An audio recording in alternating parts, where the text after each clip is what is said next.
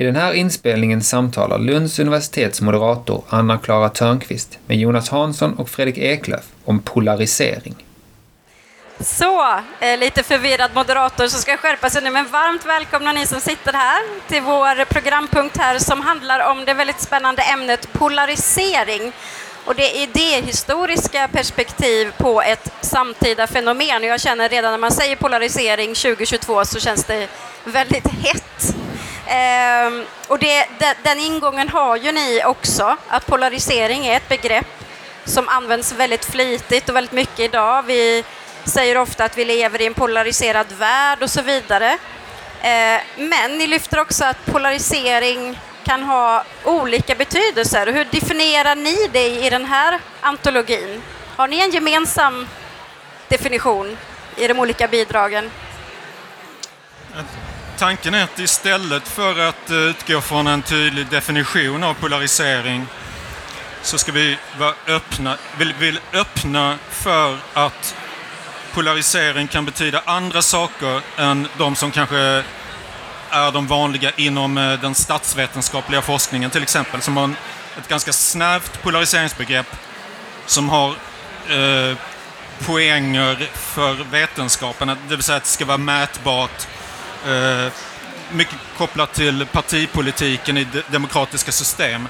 Medan vi tänker att debatten om polarisering omfattar så mycket mer. Om man, om man stöter på ordet i samhällsdebatten så har det andra betydelser där som ligger utanför vetenskapens kontroll så att säga. Att vi vill försöka fånga in lite mer av den här breda polariseringsdiskussionen genom att då anlägga ett historiskt perspektiv. Så att, och att bredda det inte bara i förhållande till en definition utan också i, i tiden. Så att det inte bara titta på vår samtid som är väldigt upptagen av polarisering utan också kontrastera vår samtid mot polarisering i historien. Just det. För att se, finns den där? Kan, finns den här företeelsen redan för 500 år sedan som är, vi har ett exempel på i boken? Ja, det finns många exempel. Så att ni, Fredrik och Jonas, ni är ju redaktörer, men det är en antologi så det finns många bidrag. Det finns till exempel eh, det finns olika isär, till exempel om polarisering i religionsstrider, sexualkategoriseringar, Eh, distinktioner mellan kontinental och analytisk eh, polemik och så vidare, eh, för att ta några exempel. Och vi ska alldeles strax gå in på era respektive bidrag en liten stund och fördjupa oss, men finns det något gemensamt mer att säga? Har ni upptäckt något gemensamt i de här bidragen? Alltså det man kan säga, en sak som vi såg och som var en anledning till initiativet var att vi såg polariseringen i debatten idag och bland jag såg Jordan B. Peterson hade någon eh, skrivning om feminister. Och jag har jobbat med ledarutveckling och jämställdhet i många år. Tänkte, men jag känner ingen feminist som är feminist på det sätt som Jordan B. Peterson beskriver dem. Nej. Så det är jättelätt att vara emot dem och tycka att det där är helt fel om man gör den beskrivningen. Men så upptäckte jag samtidigt på våra högre seminarier att våra studieobjekt de gör ofta liknande grepp om sina meningsmotståndare eller sina vetenskapliga företrädare eller samtiden. Alltså, så man kan säga att en gemensam tråd är svartmålning. Just alltså det. olika sätt som man svartmålar en motpart för att framhäva sitt eget eller sig själv. Eller... Precis, hur man uppnår den här polariseringen helt enkelt. Alltså polariseringens mekanismer kanske. Ja. Och då kommer vi ju in på ditt eget bidrag också. Ja. Eh, svartmålning i det godas tjänst. Ja, precis. Det bidraget sticker ut lite för att det är inte en polarisering i negativ mening kan man Nej. säga. Precis, för jag får bara säga, för det är så roligt, för undertiteln där, huvudtiteln är svartmålning i det godas tjänst och sen är det polariseringen polarisering i skapandet av Albert Schweitzer som världens finaste människa. Ja. Och då blir jag så var han det? Var han världens finaste Han människa? ansågs vara det då. Ja, och vem var, hur många känner till honom här? Nej, du får berätta. Ja, nej, Albert Schweitzer var en eh, moralisk superstjärna på 50-talet. Så han fick Nobels fredspris eh, eh, då för 52. Och när han höll för sin föreläsning så var det tiotusentals Oslobor som var ute i fackeltåg för att hylla honom och tidningsrubrikerna var världens finaste människa, Jesus trettonde lärjunge och, och sådär. Vi har ju han var ju på Times eh, framsida också. Vi har Ja, en just väldigt, det. Eh, typisk bild här. Ja, så han, eh, men beskrivningen av honom, han, han var missionsläkare och kulturfilosof, men hade lämnat då en karriär som organist, världsberömd organist och världsberömd teolog för att bli missionsläkare i, eh, i nuvarande Gabon. Eh, och det är en sån här kontrastering, man kontrasterar hans offer då blir det. Med det uppburna tillvaron där, med det enkla strävsamma livet som missionsläkare. Och samtidigt så var han fyrbåken i urskogen, var också en sån här skrivning där man polariserar hans goda mörker. gärning, ja precis, med det mörka Afrika då. Ehm, han var också ljuset i vår tid, så det var efterkrigstiden, man sökte liksom ett, det han blev och som gjorde honom så stor var att han var han visade att ja, men man kan vara en god människa. Ehm, och, Så egentligen blev han vitmålad, kanske man kan säga då. Ja, just det. För det, han, det är inte han som är föremål för svartmålningen, men vad är det man svartmålar för att lyfta fram Precis, honom? då är det då den mörka djungeln eller det mörka Afrika eller den mörka tiden, det svartmålas. Och samtidigt i hans akademiska skrifter och även i hans skrifter om sin egen gärning så gör han det här själv. Så att han, han framstår, han var väldigt bra på, gjorde väldigt många bra saker. Men han fram, får det att framstå som väldigt bra genom att då svartmåla samtiden som väldigt materialistisk och väldigt eh, eh, egoistiskt centrerad. Och då framstår hans gärning som ännu godare. Och, och det roliga är att hela världen, liksom, eller inte hela världen, men väldigt många människor anammade den här bilden och tycker ja, samtiden är materialistisk men, men vi är och vill vara goda. Just det. Vad är det viktigaste du fick syn på när du skrev det här? Ja, men det var nog att se hur den här äh, beskrivningen av honom gick tillbaks ända till, till hur han själv skrev om, om sig själv och sina även akademiska meningsmotståndare. Att han, tror jag, ganska medvetet använde den här polariserande retoriken för att förtydliga sitt budskap. Just det. Så att han visste vad han gjorde och då är han kanske inte så god, men det är en helt annan diskussion. Ja, eh, fast det är också en poäng. Här Ja. gjorde han ju i det godas Ja. tjänst. Så här, det här enade människor på ett sätt som polarisering vanligtvis inte gör. Och hemligheten bakom det var att han inte polariserade mot andra grupper eller människor. Just det. Utom möjligen moderna filosofer. Just det. Men det var en sån liten Så grupp. det är som- polariserar som en enande kraft. Ja, just Men det. i ditt exempel, Jonas, eh, där är det, det- och din artikel heter Folkhem på glid, fin titel, eh, och handlar om den första debatten om polarisering i Sverige och snarare är väl, in, eh, vad säger man, splittrande snarare än enande kanske? Du får själv Definitivt. berätta. Ja. Ja, det, jag, jag var intresserad av när man först började diskutera polarisering i den svenska debatten. Och med hjälp av eh, en eh, tjänst som heter Svenska Dagstidningen så kan man ju följa ganska exakt när polarisering slår igenom.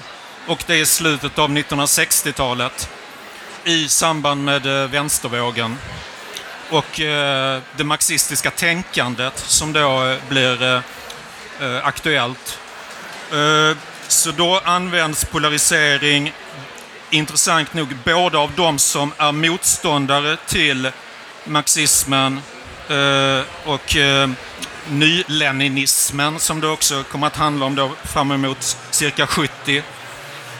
Men används också av marxisterna för någonting som de, för en strategi som de menar är nödvändig för att skapa den förändring som man vill åstadkomma. Alltså samhället, den politiska debatten måste polariseras för att motsättningarna ska bli tydligare. Just det. Att folk förstår var motsättningarna finns. Och sen, eh, men sen i mediadiskussionen så kommer man ganska snabbt fram till att polarisering är någonting dåligt. Det vill säga i, i eh, den liberala socialdemokratiska pressen så finns det starkt motstånd mot polarisering, precis som idag. Men eh, till sk- skillnad från idag, det finns ju ingen som är, står upp och, och kämpar för polarisering på samma sätt som det fanns kring 1970, vilket gör debatten då eh, lite mer intressant faktiskt. Men det här med folkhem på glid, vad, vad, vad innebär det egentligen? Vad är det som händer i den här polariseringen? Ja, jag anknyter lite till... Det fanns en, en genre inom eh, filmen på 50-60-talen som heter ungdom på glidfilmer. Just, ja. Och det här, med det, jag vill anknyta till, också till att det, det handlar mycket om eh, en generationspolarisering skulle man kunna säga. Att det är den yngre generationen mot en äldre generation. Och att eh, vänsteraktivisterna upp, utpekas ofta som de unga. Ja. Eh, och oförståndiga, kanske eh, om man ser till äldre socialdemokrater och liberaler som tycker att vad är detta för någonting? Eh, så att man kom snabbt fram till att polarisering hotar den svenska modellen, därav folkhem på glid. Och det man då kallar för samförståndsandan, som blir kan man säga ett motbegrepp till en motsats till polarisering. Svenska samförståndsandan ska vi slå vakt om. Just det. Och, och vad blev resultatet egentligen då? Av den här debatten? Ja, polarisering är ju med oss allt sedan dess. Alltså allt sedan cirka 70 så finns den i debatten och den bubblar. Eh, på 80-talet, början på 80-talet så fanns det en ny diskussion om polarisering i anknytning till löntagarfondsdiskussionen till exempel. Sen så har den eh, legat, alltså polariseringsbegreppet har mer hamnat i bakgrunden under 90-talet och sen återkommit nu starkare än någonsin mm. i samband med eh, högerpopulismens frammarsch och eh, Trumps presidentperiod. Precis. Jag tänker, är, polarisering, polarisering... I den vågen så var det vissa som lyfte det som positivt. Men hur ser ni på det? Är det ett tveget fenomen eller är det enbart dåligt? Eller när, när är polarisering farligt och när är det bra? Alltså tittar man i boken så finns det exempel på både, både och. Alltså ett exempel handlar om där det hade behövts en tydligare polarisering mellan begreppen konkurrens och samverkan. Så hade inte Nya Karolinska sjukhuset blivit så dyrt som det blev. Ah. Ehm, och, så det kan ju vara både och. Sen är det så att vad vi har sett är att det används ofta som en anklagelse. Ja.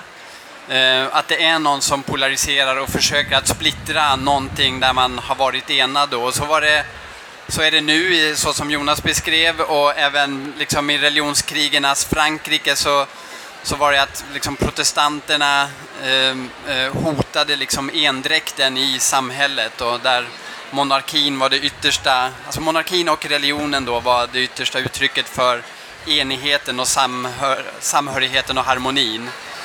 Så att det har ju använts som ett negativt begrepp. Och sen vi drar ingen så här slutsats om det är bra eller dåligt. Nej, men ni funderar det är olika på, olika situationer. Ni ställer er själva frågan, och det får bli vår sista fråga här, vad, vad vi lär oss av polarisering i historien. Alltså vad lär vi oss av att titta på den? Ni har ändå varit redaktörer och jobbat med bidragen. Och vad drar ni för lärdomar av det här?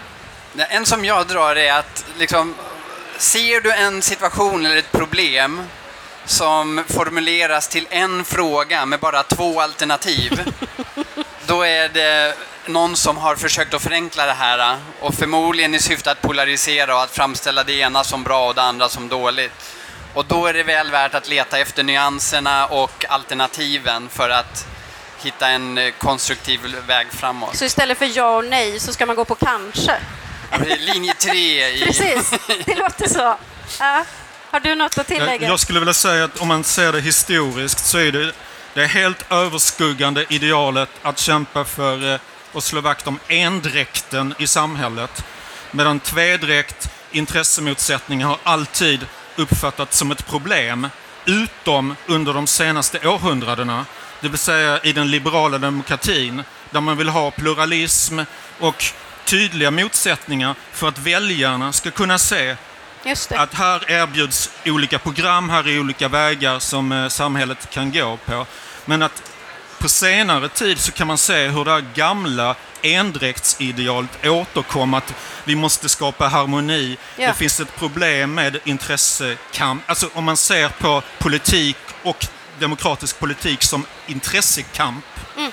Det har uppfattats som problematiskt på ett sätt igen, som, eh, det var länge sedan egentligen som eh, man i Europa och i västerlandet eh, diskutera det. Så det är intressant att man kan se sådana här konjunkturer för endräkt, tvedräkt, hur de... Jättespännande. Och det, det kan man läsa om bland annat och förstå och för, för, fördjupad förståelse för det här högst aktuella, begreppet polarisering i er antologi. Tack så mycket Fredrik och Jonas för ett fint samtal. Tack så jättemycket.